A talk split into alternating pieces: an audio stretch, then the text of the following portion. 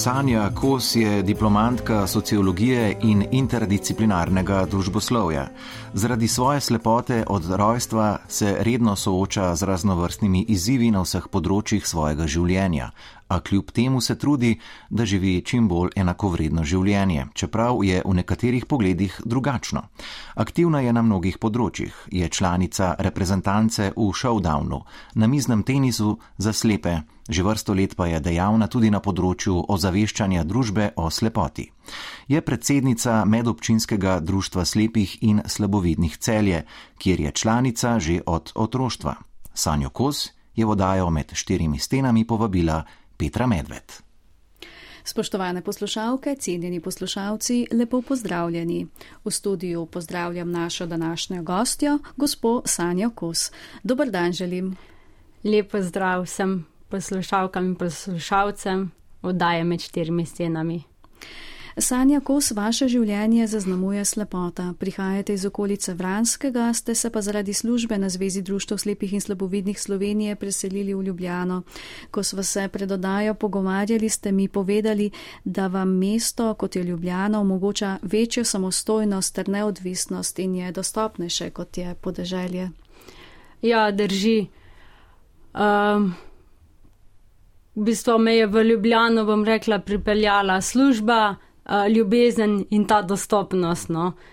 Ko sem bila še v osnovni šoli v Zavodu za slepe in slabovidno mladino, v današnjem centru Iris, ko sem zaključovala osnovno šolo, sem si rekla, ne želim biti več v Ljubljani, ker sem, nisem bila doma, ampak evo, pot me je pripeljala nazaj v Ljubljano, seveda danes gledam iz čist drugačne perspektive na mesto. Uh, ker prihajam iz podeželja, je seveda pač Ljubljana kot mesto precej bolj dostopno za me kot slepa oseba, zaradi možnosti javnega prevoza, uh, semaforiziranih križišč z zvočnim semaforjem, talnih oznak uh, in to mi omogoča boljša samostojnost. Kakšno je bilo vaše otroštvo, kako so slepoto sprejeli vaši starši? Ja, takrat je bilo mogoče pred 30 leti precej manj možnosti za pridobivanje informacij o tem, kot je to danes. A, ampak kljub temu, pač, ko, ko so izvedeli, da sem slepa, um, ni bilo druge možnosti, kot da se spoprijeti s, s tem izzivom. Uh, bom rekla, vsi so me sprijeli, seveda pač uh, um, sorodniki, a ne kot ljudje, o čemer ne vemo, se tega mogoče malo strašimo, pa malo bojimo, ampak bom rekla, moji domači, moja okolica je se spoprijela s tem in zato imamo tudi danes pač izredno dobre odnose. V vrtec ste hodili v domačem kraju. Ja, tako je. Eh, takrat smo nekako dobili priložnost, da obiskujem svoj domači vrtec. Uh, v izkušnjah zelo težko karkoli v bistvu rečem, ker se manj stvari spomnim, kot otrok. Uh, sem imela uh, z sošolkami, sošolci iz vrca, smo se igrali, smo se v redu imeli, um, ne spomnim se nekih pretiranih. Uh, situacij, kjer bi me, recimo, eh, mi nagajali, me izzivali karkoli. Rekli ste, da ste osnovno šolo obiskovali v Ljubljani, v takratnem zavodu za slepo in slabovidno mladino, danes eh, centru Iris. Kako ste kot otrok prenašali življenje v internatu, daleč od svojih domačih? Ja, takrat, uh, torej, ko je prišel čas za vključitev v osnovno šolo, eh, takrat nekako ni bilo še v bistvu govora o tej integraciji otrok v redne osnovne šole, kar se dogaja danes v, v velikih primerjih. Uh, tako da v bistvu mi je bila predstavljena ta možnost oziroma mojim staršem, Zavod za slepo in slabovidno mladino uh, in seveda pač posledično tudi bivanje v internatu, ker takrat, bom rekla, še ni bilo avtoceste, a ne in danes, bi, danes je precej uh, večja možnost, da se recimo voziš vsak dan iz Ljubljane do Vranskega, takrat te možnosti ni bilo. Čeprav smo, bom rekla, se starši zelo potrudili, da sem tudi kdaj čez teden lahko uh, šla domov in potem nazaj v Ljubljano, smo naredili kar, bom rekla, precej, precej kilometrov uh, v ta namen, ker meni je bilo pač, iz, kljub temu, da je res mi zavod za slepe in slabovidne dal izredno veliko znanj, izkušenj, predvsem teh ne, eh, veščin, bom rekla, za samostojno življenje kot slepe osebe. Ampak vseeno me je to tako zaznamovalo kot bivanje v internatu, ne, da sem potem, kot sem prej umenila, rekla, konec srednje šole, ne v Ljubljano, pa noče več. Ampak ja, tako življenje se obrača. Gimnazijo ste obiskovali v celju, bili ste edina slepa uh, dijakinja? Ja, takrat sem, uh, takrat sem bila uh, edina slepa, uh, kasneje mislim, da se je, pa pred mano, to se pa ravno ne spomnim, je bil pa tudi en slaboviden dijak, no, sicer, ampak kljub temu, a ne, um, slabovidnost pa slepota je tu lahko velika razlika. Ne. Ste imeli kakšne prilagoditve? O ja, uh, brez teh določenih prilagoditev. Uh, bi zelo, zelo težko šlo. To je torej pač računalnik z govorom in brajevo vrstico, torej v bistvu normalen, klasičen računalnik, ki vse stvari, ki se pojavijo na ekranu ali pa jih mi napišemo v računalnik, računalnik pove ali pa se izpišajo na brajevi vrstici v, eh, v brajevi pisavi. In to je v bistvu bilo, to je, bom rekla, en tak Eh, vrata, naša vrata v svet. Danes, ko se to, že, že bom rekla, več stvari digitaliziranih, nam ta oprema kar veliko pomaga. Eh, drugače pa potem pa v, osnovni, v srednji šoli, seveda, tudi cel kup prilagajanja se strani profesorjev. Uh, za kar sem danes, uh, bom rekla, izredno, izredno hvaležna. Upam, da kdo tudi danes to posluša, ker smo res skupnimi močmi, z njihovim trudom, uh, s trudom mojih staršev, mojim trudom, nekako pripeljali to gimnazijo uspešno skozi vsa štiri leta. V bistvu so mi profesori veliko stvari pomagali um, za prilagajanjem gradiva, uh, z dodatnimi urami učenja in res, res je bilo veliko velik truda iz vseh strani vloženega. So vam tudi sošolci pomagali? Uh, ja, v bistvu mi smo imeli en tak, uh, tak dober sistem, si je v bistvu naša, uh, naša razredničarka uh, spomnala, da smo se potrudili, da je v bistvu vsak teden bil nekdo zadolžen od sošolcev, da mi je pomagal iz učilnice v učilnico in se je, bom rekla, izkazalo za zelo, zelo, zelo dobro. No?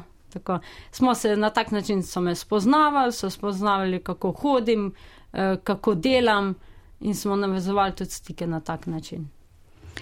Študirali ste sociologijo in interdisciplinarno družboslovje, da bi se lažje zaposlili, pa ste upravili usposabljanje na delovnem mestu prek zaposlitvene rehabilitacije v celju na Medočinskem društvu slepih in slabovidnih celje. Ja. Um, ko sem bil gimnazijo uh, zaključila, sem se odločila, evo, še za tretje mesto, veliko v Maribor, sem se odločila tam za študij. Uh, bil mi je nekako Maribor kot manjše mesto, da mi bo bolj dostopno in sem takrat bivala v, v Garsonjeri, uh, Društva slepih Maribor. Uh, bom rekla, poleg študija, ki mi je dal precej znanja, sem dobila kar precej izkušenj z o samostojnem življenju, ne, precej veščin sem v bistvu zdaj tu, ne, pa uh, bi so uh, probala v, v praksi. Tako da sem se naučila tudi samo, precej teh zadev, kar se tiče samostojnega življenja. Imate tudi osebno asistenco, ste jo imeli tudi takrat ali kako je bilo? Ja, takrat, če ni bilo uh, kot možnost osebne asistence v tej obliki, kot je možnost danes, ampak sem bil si velik, sem uh, koristila pomoč Društva študentov invalidov v Mariboru, ki v bistvu študentom ena od takih stvari je, da nudi prevoz do fakultete in nazaj, kar je ena zelo pomembnih stvari bila. Ne? Pa potem tudi ne, prilagajanje gradiva, v elektronsko obliko, kar je za nas pač izrednega pomena. Ne? Sanja Kos, kako je z zaposlovanjem slepih? Ja, v bistvu eh, zaposlovanje slepih je danes en tak, bom rekla, kar precejšen izziv. Uh, prvo bom rekla zbrati uh, smer študija, v kateri se, se vidiš, ne, torej, da te veseli, po drugi strani pa tudi izbrati študij, ki ti bo omogočal uh, neko samo, čim bolj samostojno ne, opravljanje dela, kar je bilo recimo pri meni izreden izziv. Po, po, uh, po duši sem bolj naravoslovec, mi naravoslovje bolj leži, ampak žal ne. Um, hitro ugotoviš, ko razmišljaš, kaj bi lahko počel, hitro potem ugotoviš, um, da pa marsikero stvar, ne vem, matematika, profesor matematike, hitro prideš do nekih izzivov, ki se ti pa zdijo nerešljivi. Ne Tudi danes nam je ta uh, digitalizacija, je kar vzela precej delovnih mest, ne? včasih so to telefonisti bili, danes, danes pa se poskušamo na čim, čim več različnih področji no, uh, vključevati slepi in slabovidni. Uh, jaz verjamem, da enim uspeva bolje, drugim slabše. Jaz upam, da, da vsak izmed nas, no, da se mu enkrat pa nasmehne sreča in da počne tisto, kar ga vsaj približno veselijo. Ne. Zdaj ste zaposleni prek javnih del. Kakšno je vaše delo na Zvezi društv slepih in slabovidnih Slovenije? Ja, eh, Zveza društv slepih in slabovidnih Slovenije je naša krovna organizacija za slepe in slabovidne in v bistvu mi na Zvezi izvajamo cel kupenih aktivnosti, eh, s katerimi skrbimo za slepe in slabovidne trenutno, bom rekla, sem najbolj aktivna na, na programih za otroke in mlade in njihove svojce, torej v okviru katerih, katerega organiziramo številne tabore, srečanja, svetovanja. Uh, tako da se bi so trenutno vključujem v, v, ta, v ta del uh, programa, pa seveda še mnogo, mnogo drugih, bom rekla, področji. Kako pomagate staršem, da lažje sprejmejo ali se sprijaznijo z otrokovo slepoto ali slabovidnostjo? In poveste tudi svoje izkušnje. Uh, ja, vel, uh, recimo na zadnje, ko sem bila ravno na enem taboru za starše s slepimi in slabovidnimi otroci do 8. leta starosti, jim je ravno ta del, se mi zdi, ko sem, ko sem se usedla med, med njih, pa sem rekla, sigurno imate kakšno vprašanje, da te vprašite me, bomo skupaj kaj poskusa, poskusili rešiti, ne? ker to so starši majhnih otrok, bi so še razmišljali, še ne vejo, kaj jim bo sploh, bom rekla, prinesla to obdobje, ne vem, šolanja, izobraževanja, ne. Uh, tako da se mi zdi, da jim to veliko, veliko pomeni izkušnje, veliko in pa pomem pa tudi jaz osebno mislim, da je prav tako, da se med sabo tudi srečujejo, da si izmenjujejo izkušnje, mnenja, ne? ker ko človek vidi, da v neki zgodbi ni sam, je e, precej lažje. Na Zvezi društv slepih in slabovidnih Slovenije ste pripravili tudi izposojevalnico igrač. Vi ste jih kat katalogizirali. Ja. Uh, to so z metodi in načini prilagojenimi za slepe tudi navodila ste priredili v Brajico. Se te igrače razlikujejo od običajnih? Ja, na Zvezi slepih, v bistvu že izposojevalnica igrač deluje več let. Leto smo pa pripravili še prav digitalni katalog, torej da bi se lahko kdor želi ga, katalog najde na spletu z vsemi temi, um, bom rekla, fotografijami, opisi, kategorijo igrače. Eh, da si, da si ljudje, predno pridejo k nam, mal predstavljajo, kaj to, kaj pomeni ta igrača, naziv te igrače. V osnovi je nekaj teh, bo rekla, igrač, družabnih iger ali pa didaktičnih pripomočkov za šolanje, je v bistvu običa, so običajne kot za vse ostale otroke, pa e, smo se trudimo, da jih prilagodimo z različnimi metodami za slepe, torej da jim dodamo brajeve oznake, da jim dodamo neke tipne oznake, po katerih se kakšni deli igrače med sabo, da se laže ločijo, ne, ker barve slepi ne vidimo, tako da ne vem, poskušamo jih, da se, te, da se ločijo po nekih materijalih, namesto po barvah. Uh, tako se je preomenilo ne te navodila v Brajevi pisavi. Uh, imamo pa tudi kar, kar precej, bom rekla, družabnih iger, predvsem, ki so pa v bistvu prav že v osnovi specializirane za, za slepe in slabovidne uporabnike. Torej, o, mi delamo na tem, mi slepi tipamo, največ tipamo, poslušamo ne? in torej tudi igrače in vas material mora temeljiti na tem. Zakaj je pomembno, da se otroci z izgubo vida, da imajo možnost, da se igrajo s temi igračami, ki so prilagojene prav za njih? Ja, v bistvu, da, mislim, ne, da spoznavajo svet, da spoznavajo, kaj, kaj vse je okoli njih, pre, tudi prek igrač, um, da, da se naučijo določenih veščin preko nekaterih igrač za spretnostne, eh, spretnostne veščine, a ne imamo kar precej teh, recimo, obstaja eh, okviri, ki so zavezani za, za zapiranje zadrge, za gumbe, za. In s tem se v bistvu tudi krepijo te veščine, ki so zelo pomembne. Ne? Za vse, bom rekla, ne samo za slepe. Kakšne izzive vam prinaša slepota na vseh področjih vašega udestovanja? Uh, predvsem bom rekla uh, do, dostopnost, to se pravi, govorimo o dostopnosti okolja.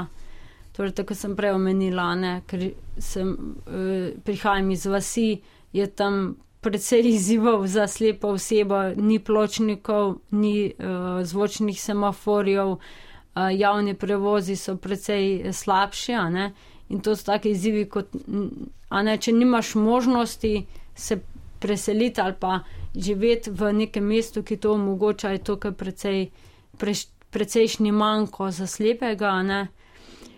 Potem izzivi na, na področju dostopnosti do določenih informacij, ki jih želimo recimo prijeti prek spleta.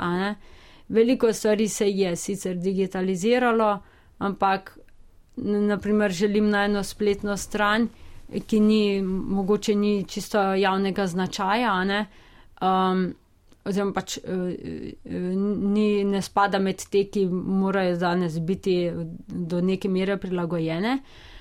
In tam se soočamo z izzivi, ker lepša je spletna stran za vas, ki vidite, uh, slabša je za nas, ki ne vidimo. Ne? Ker vse te animacije nam delajo izredne težave, da mi pridemo do ene informacije.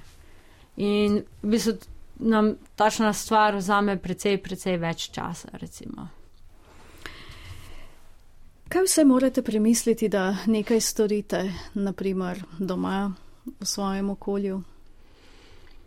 Ja, domače okolje, bom rekla, je, če govorimo recimo o, o pa, bivalnih prostorih, je zadeva precej, precej bolj enostavna, ne? ker imamo stvari bolj organizirane, imamo recimo pripomočke, ki nam omogočajo samostojnost, to se pravi od um, oznak, s katerimi se označimo. Uh, štedilnik, pečico, mikrovalovno pečico, vse te prilagoditve, potem govoreči termometri, um, indikator tekočine, s katerim si pomagamo pri nalivanju uh, vode, vse to ne temelji na zvoku ali pa recimo na tipu in vse to nam omogoča predvsej. Lažje, lažje upravljanje vsakdanjih opravil, tudi indikator svetlobe in barv, ki nam pove, kakšna barva je kakšna stvar, da si lažje pomagamo pri kombiniranju oblačil, pranju in tako dalje. Ampak to je, bom rekla, to je znotraj, znotraj našega bivalnega prostora. Ko pa v bistvu stopimo enkrat izven tega prostora, pa, se pa lahko stvar precej spremeni. Jaz, če želim nekam samostojno iti na, na neko pot, ki jo poznam, jo moram se prej dobro, dobro naučiti. Zdaj, tukaj smo pač seveda, kot se si vi različni, smo si mi tudi, ne, in tudi med nami, nekateri pač um, rabijo manj časa, da se pot naučijo, drugi več, ali pa nekateri so pripravljeni več tvegati in mogoče tudi sami, kljub temu, da poti mogoče ravno najbolje ne poznajo, ne, se vseeno odpravijo na njo. Uh, jaz sem ena izmed tistih, ki pač moram biti prepričana v to, da pot poznam in se bom potem sama odpravila na njo. Težava so, tudi če jaz pot poznam, so vsakdanje ovire. Ravno se srečujem na mojem delovnem mestu s tem, kjer je praktično vsak dan drugače, ker delajo, uh, um, mislim, da toplovod in ne vem, kaj še vse. In enkrat je, bom rekla, um, pesek, enkrat bo lukna, ravno danes je en sodelovec rekel, štiri dni me ni bilo, pa je že spet vse drugače, ko je tudi slepa. Ne? In tašne eh, vsak dan, jo bom rekla, ovire, ki, ki so uh, premične, nam povzročajo največ težav, ne? potem tovornjaki, delovni stroji, ki so enkrat so tam, drugi so tam, povzročajo hrup, kar je spet nam ena huda ovira lahko, ne? ker ko je okolica hrupna, je za nas orientacija precej težja, kar sicer eh, tistim, ki vidite, verjetno teže to razumeti, ampak dejansko pa se nam, se nam okolica čist nekako obrne no, v glavi, je težje se orientirati. Um, po katerih zvokih se orientirate v okolju? Uf, uh, poskušamo se orientirati po po tistih stvarih, ki vemo, da bojo načeloma tam. Ne? To so, ne vem, pekarna, se lahko orientiramo po vonju. Potem zvoki semaforjev, naprimer, ker vemo, da, bo, da mora biti tam nekje zelo blizu semafor in potem bolj prisluhneš. Ne? Um, Dej, nekateri zvoki so pa takšni, ne? zdaj vrt od uh, neke restauracije je poleti, je več hrupa, ki ga po zimi ni, tako da, da to se zelo težko orientiramo. Potem kašni jaški, kjer teče voda, to so en taki, um, da se pa lažje orientirati po, bom rekla, po teh um, virah, ki so nepremične, torej, kje je konec stavbe, uh, kje, je, uh, kje je konec pločnika, to, kar je vedno, bom rekla, enako. Uh -huh. Če zdaj pomisliva še na kolesarsko stezo, ki je včasih ločena od pločnika samo z narisano belo črto, ki je seveda vi ne vidite in tudi ne, ne morete čutiti pod nogami, uh, tako da slepi lahko večkrat zaidete na kolesarsko stezo, ampak uh, rekli ste mi, da so pa najbolj nevarni električni skuteri, ki jih pač ne slišite. V bistvu je. Uh kolesarske steze so ena izmed stvari, ki meni v bistvu trenutno no, uh, povzročajo najve, največji izziv. No, bom rekla. Vseh ostalih stvari sem se že precej navadila, ne, tudi da prečkam široko cesto, recimo Dunajsko in to, ne, to mi je že zdaj vsakdanja stvar, ampak kolesarske steze so meni osebno uh, zelo velika ovira, ker, um, ker so vedno nekje druge. Ne. Enkrat so pred semaforjem, to se pa med semaforjem in cesto, enkrat so za avtobusno postajo, enkrat so pred avtobusno postajo in to je log za nas kar, eh, kar precejšno ovira. Ne? Ko pri, recimo uh, pridem, pridem čez cesto in pred mano je kolesarska steza. Zdaj za mano je cel kup avtomobilov na tržaški cesti, zjutraj ob sedmih, ne, normalno je pač največja konica pred mano kolesarska in uh, kolesarska steza, in je že tako ali tako težko slišati kolesarje, potem pa še žal ta velika hitrost, ne, sploh električnih koles je pa, je pa precej, precej nevarna. No. To, to se vedno pritužujem, čez hitrost kolesarjev in kolesarji upam, da me poslušate. Evo. Poleg tega so na pločnikih tudi druge ovire, naprimer cvetlična korita, ja. stali mize. Ja, zdaj nam v bistvu že veliko nam pomagajo eh, talni taktilni vodilni sistemi, torej te uh, kanali, ki jih ponekod vidite, predvsem po Ljubljani, um, tudi nekaj mislim, da je po celju, pa po Mariboru. In v bistvu te kanali na te vodilni sistemi nas naj bi vodili mimo vseh teh ovir. Dokler nekdo uh, reklamno tablo ne postavi ravno na ta, na ta vodilni sistem.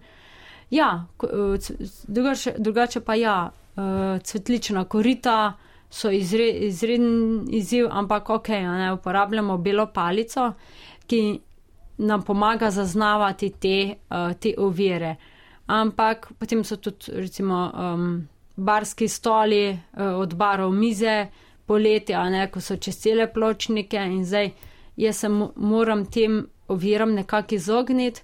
Torej, se ne vem, gremo okoli njih, sem že lahko tudi hitro na cesti, kar je lahko izredno nevarno. Po drugi strani so pa nevarne višinske ovire, ne? torej te reklamni reklamni panoji, ki gre naša bela palica pod panojem, eh, mi pa bi so glava pa v, v pano. pa tudi kakšna neurejena vrtna ograja.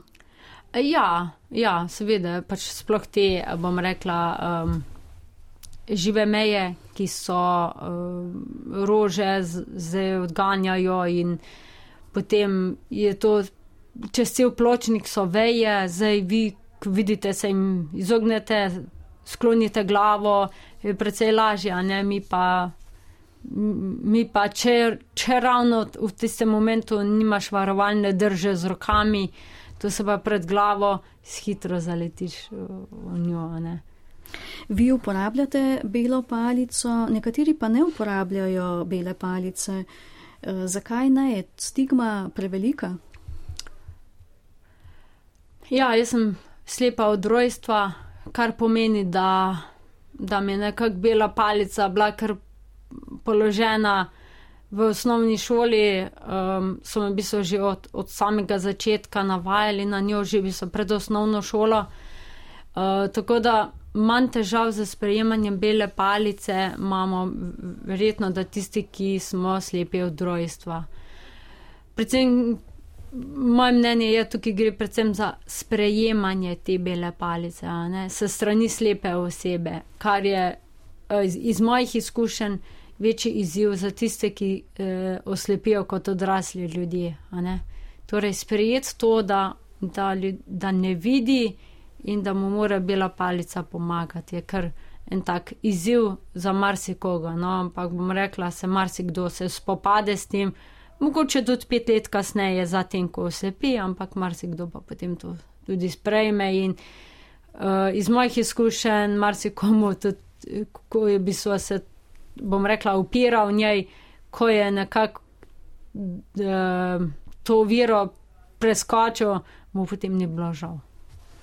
Pa vendar je ta bela palica videčim. Uh, Signal, da imamo pred seboj človeka, ki ne vidi, nekako lažje se potem na nek način um, umaknemo.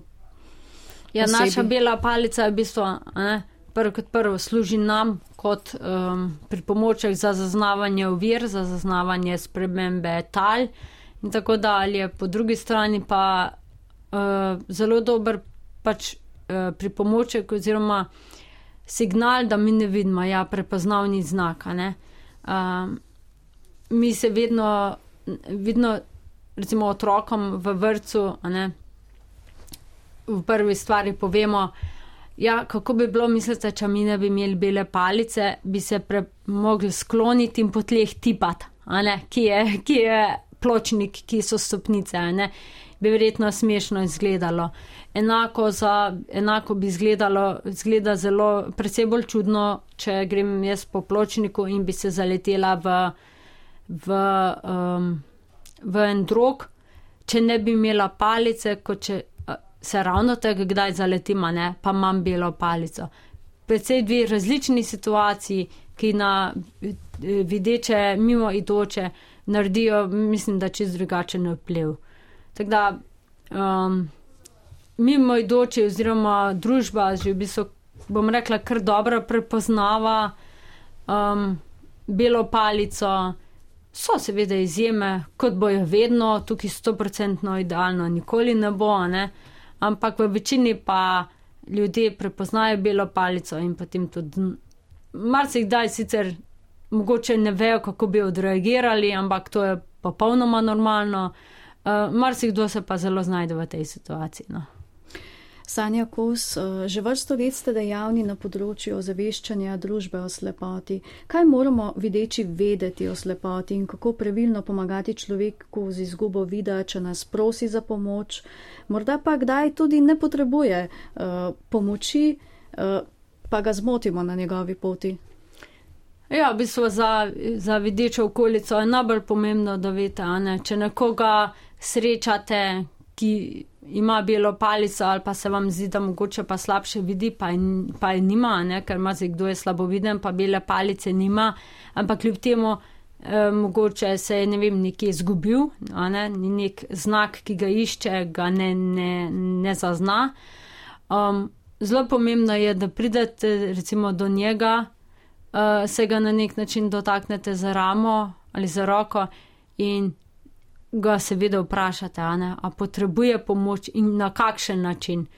Vsi, mislim, večina, velika večina si upam tule reči, eh, trditi, da, um, da vas bo lepo sprijela in bo lepo odgovorila, da recimo pomoči ne rabi ali pa pomoč rabi in vam bo razložila, na kakšen način pomagati. Recimo. Ker najhuje je, ko nekdo želi pomagati, pa v bistvu ne vem, nekoga nekam porine ker gremo tja, le gremo tja, a ne nekam. In za slepega je lahko dva metra naprej ali pa dva metra levo, je lahko, je lahko izgubljen, a ne ker. Jaz poznam to pot, po kateri hodim, če me bo nekaj na drugo pot peljal, a se zdaj pa veste, kje ste, a ne?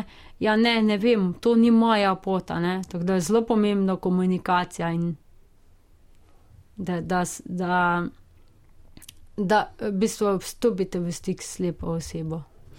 Sanja, ko ste predsednica medobčinskega društva slepih in slabovidnih celje, to ste postali pred kratkim, uh, kakšne cilje ste si zadali? Ja, to bom rekla, to je en tak moj velik projekt in izziv, ki se je začel v drugem polletju letos, ko sem sprejela to funkcijo predsednice društva slepih v celju. Uh, zelo, zelo si želim, da, bomo, da bi čim bolj delali v, v smeri z aktivnostmi, ki si jih pač slepi in slabovidni želijo, oziroma ki jih potrebujejo, tudi uh, aktivnosti v razli, uh, obliki dogodkov in v obliki svetovanja, ker se mi zdi, da vseeno ljudje še marsikaj o tem, kaj, kaj jim pripada, kaj lahko katere ugodnosti, katere pravice, um, na koga se lahko obrnejo, še vedno je kar precej um, težav, kar se pridobivanja teh informacij in to na društvu pač tudi skrbimo za to.